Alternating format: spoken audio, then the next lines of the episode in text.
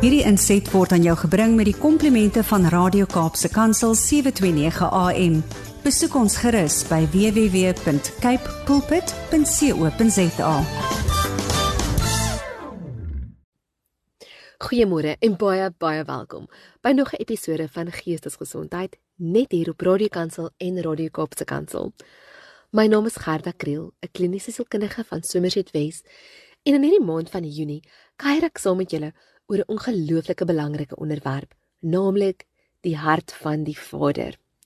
En net soos wat ons God dien wat 'n hart van 'n Vader vir ons het en teenoor ons het, gaan ons ook hierdie maand fokus op die belangrikheid van 'n pa in 'n kind se lewe.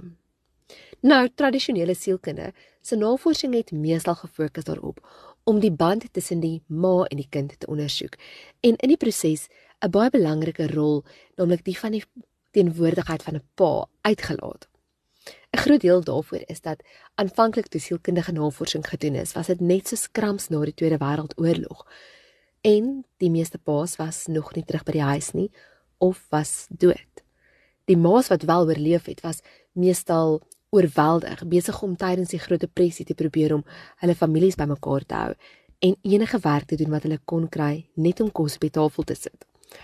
So, sielkundige navorsing tot en met die Here was nog nie baie goed vir ma's of pa's nie. Jy sien, ek glo as 'n gelowige dat God die gesinsstruktuur in plek gestel het met 'n volkomme volmaakte idee in sy gedagtes. Dit is agter vir ons as mens baie moeilik om dit te repliseer en daar is natuurlik allerlei aanvalle ook op die tradisionele gesinsstruktuur. Ek weet ook dat as jy vandag luister en jy self is nie deel van 'n gewone gesinsstruktuur met 'n ma en pa en kinders nie, wil ek vir jou sê daar is hoop. En as jy vandag 'n ma is wat luister en jy dink ek het nie 'n benul van ek praat nie of jy voel um dat jy jou kinders het nie 'n pa figuur in hulle lewens nie, bly vir elke week se episode ingeskakel. Vandag gaan ek eersins net praat oor die belangrikheid van 'n pa in 'n kind se lewe. Maar volgende week en die week daarop gaan ek regtig meer prakties uitbou oor wat jy kan doen om positiewe pa-figure in jou kind se lewe toe te laat en in te nooi sodat jou kind die voordeel en die vrug kan pluk van 'n goeie verhouding met 'n pa-figuur maar ook dat jy kan weet dat jy intentioneel kan wees met wie jy in jou kind se lewe gaan toelaat. Nou in Suid-Afrika het ons 'n ongelooflike ehm um, regeringsinisiatief die afgelope tyd waar die regering al hoe meer fokus daarop dat paas betrokke moet begin raak. En as gevolg daarvan befonds die regering inisiatiewe wat vaderskap bevorder in ons gemeenskappe. Een van die organisasies wat fantastiese werk doen daaroor en waarna jy gerus kan gaan kyk is The World Needs a Father wat deur Dominika Sikarsens en sy vrou Jenny Karsens begin is en wat reeds 'n wêreldwye bediening het. Nog 'n organisasie is Heartlines. Nou Heartlines is 'n Suid-Afrikaanse nie verwinsorganisasie wat in televisiereekse ehm um, voorsiening maak. En hulle het jare terug die Soul Buddies en Soul City gemaak wat mense opgelei het en opgevoed het rondom die belangrikheid van effektiewe gesondheidsorg wanneer iemand HIV positief is. Nou die organisasie bestaan steeds, maar hulle fokus het verander dat hulle nie meer net fokus op gesondheidsorg nie, maar dat hulle media gebruik as 'n manier om werklik waar belangrike hartsake, belangrike kwessies regheid by mense uit te kry wat dit die heel nodigste het.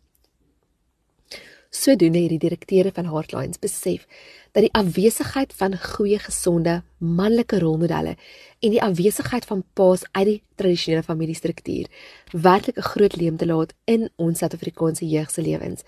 En hulle het navorsing van stapel gestuur wat die grootste navorsing nog in Suid-Afrika is wat gedoen is oor die belangrikheid van pa. En hierdie maand gaan ons hulle verslag gebruik as die rigsteen van die werk wat ek hierdie week of hierdie maand met julle gaan bespreek. Nou, gebaseer op die navorsing wat hulle gedoen het, het hulle bevestig dat paas 'n kritiese rol speel in kinderontwikkeling, in die kind se emosionele welstand en hulle skolastiese opvoeding, sowel as in hoe hulle die toekoms vorentoe benader. Hulle het bevind dat kinders wat sonder 'n positiewe pa, met ander woorde 'n pa wat teenwoordig is en wat 'n positiewe rol in die kind se lewens speel, baie groter risiko het vir negatiewe uitgevolge soos kindermishandeling of misdaad, dwelm en alkoholmisbruik, tienerswangerskappe of om self die slagoffer van seksuele geweld te wees of om seksuele geweld te pleeg en ook geestesgesondheidskwessies. Vir my as sielkundige stel ek natuurlik geweldig belang in laasgenoemde, maar ek kan ook sê dat al die ander kwessies sosio-psigologiese kwessies is wat ons op 'n sosiale vlak ervaar, maar wat 'n diepe diepe impak het op die psigologiese funksionering van ons Suid-Afrikaners.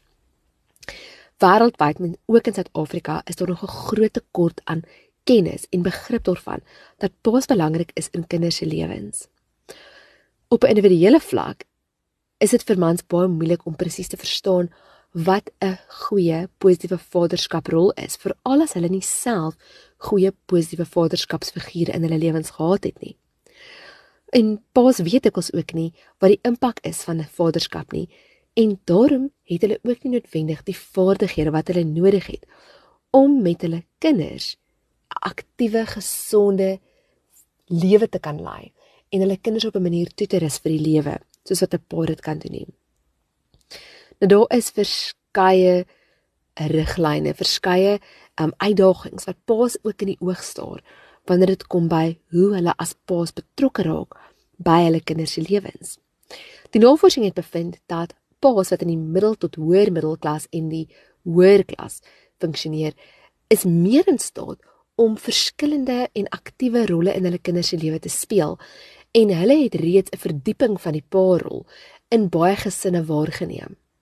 Hulle het agtergevind dat die laer middelklas tot die laer sosio-ekonomiese klasse as gevolg van werkloosheid, armoede en 'n tekort van gesonde pa-figure in hulle eie lewens, daardie mans dikwels eerder onttrek, wegtreë van die paarrol.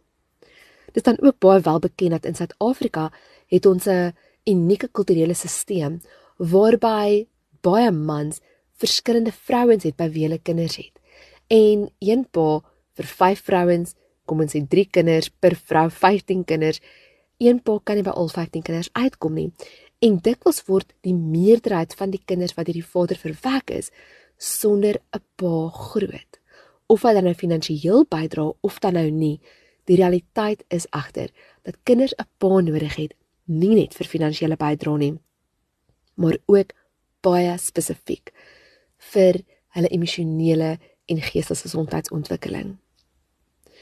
Hoekom maak paas so baie saak?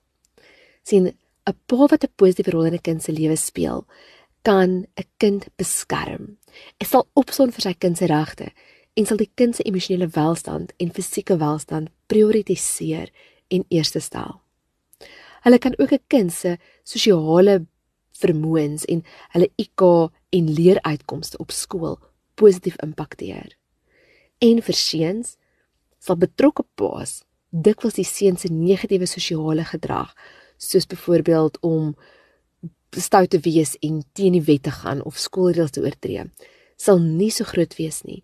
En meisies het minder sielkundige probleme in hulle vroeë volwassenheid wanneer daar 'n positiewe teenwoordige pa in hulle lewens was. Ons weet dat 'n pa se teenwoordigheid 'n kritieke rol speel in die vormering van 'n kind se attachment. Ons het al bietjie oor attachment gepraat, dis daardie bindingsteorie, die vermoë van 'n kind om 'n verhouding te vorm met iemand wat buite hulle self is. Dan weet ons ook dat pa's wat nie betrokke is nie, ongelukkig daartoe lei dat kinders minder skool klaar maak en daarom minder vooruitsigte het vir hulle toekomste.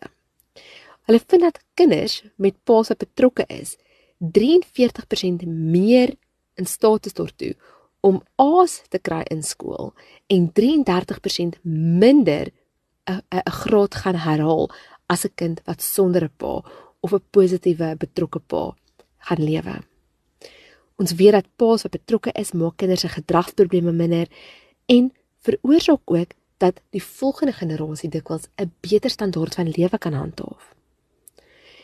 Kinders met paas wat nie teenwoordig is nie wat afwesig is, het meer psigosomatiese gesondheidsprobleme as gevolg van akute en kroniese pyn, asma, kopseer en maagseer.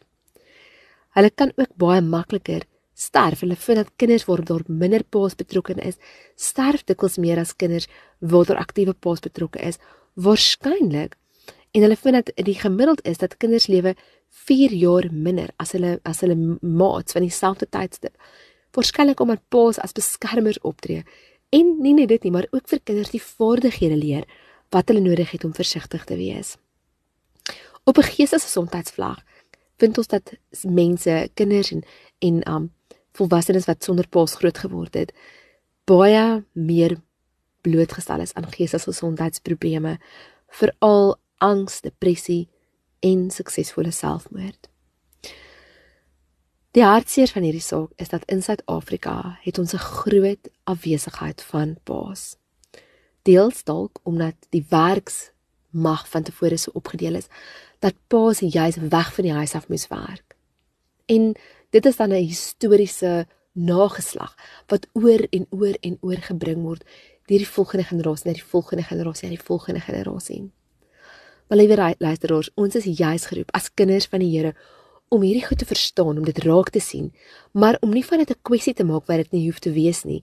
Om eerder op te staan en te begin sê, hoe kan ons generasie dit anders doen? Hoe kan ons dit anders benad um, anders deel maak van van ons lewe, van die sosiale materiaal van die samelewing waarin ons vandag lewe? Dit is my hoop dat oor hierdie paar weke jy werklik waar geïnspireer sal wees om julle kinders bloot te stel aan goeie positiewe pa-figure. En as jy 'n man is wat luister en en jy self wil graag 'n betrokke pa wees, luister asseblief. Ek het ongelooflike hoop vir ons land en ek glo dat vaderskap, aktiewe betrokke vaderskap een van die sleutels is wat ons Suid-Afrikaanse toekoms gaan oopsluit en waaruit er nog wonderlike dinge gaan voortspruit. Ek kuier oor die volgende 2 weke nog saam met julle rondom hierdie onderwerp. Mag julle 'n ongelooflike geseënde week hê. Ek kan nie wag om meer met julle te praat oor hierdie onderwerp nie. My naam is Gerda Kriel en ek sê vir julle totsiens uit 'n nat en yskoue somersitwes. Hierdie inset was aan jou gebring met die komplimente van Radio Kaapse Kansel 729 AM. Besoek ons gerus by www.cape pulpit.co.za.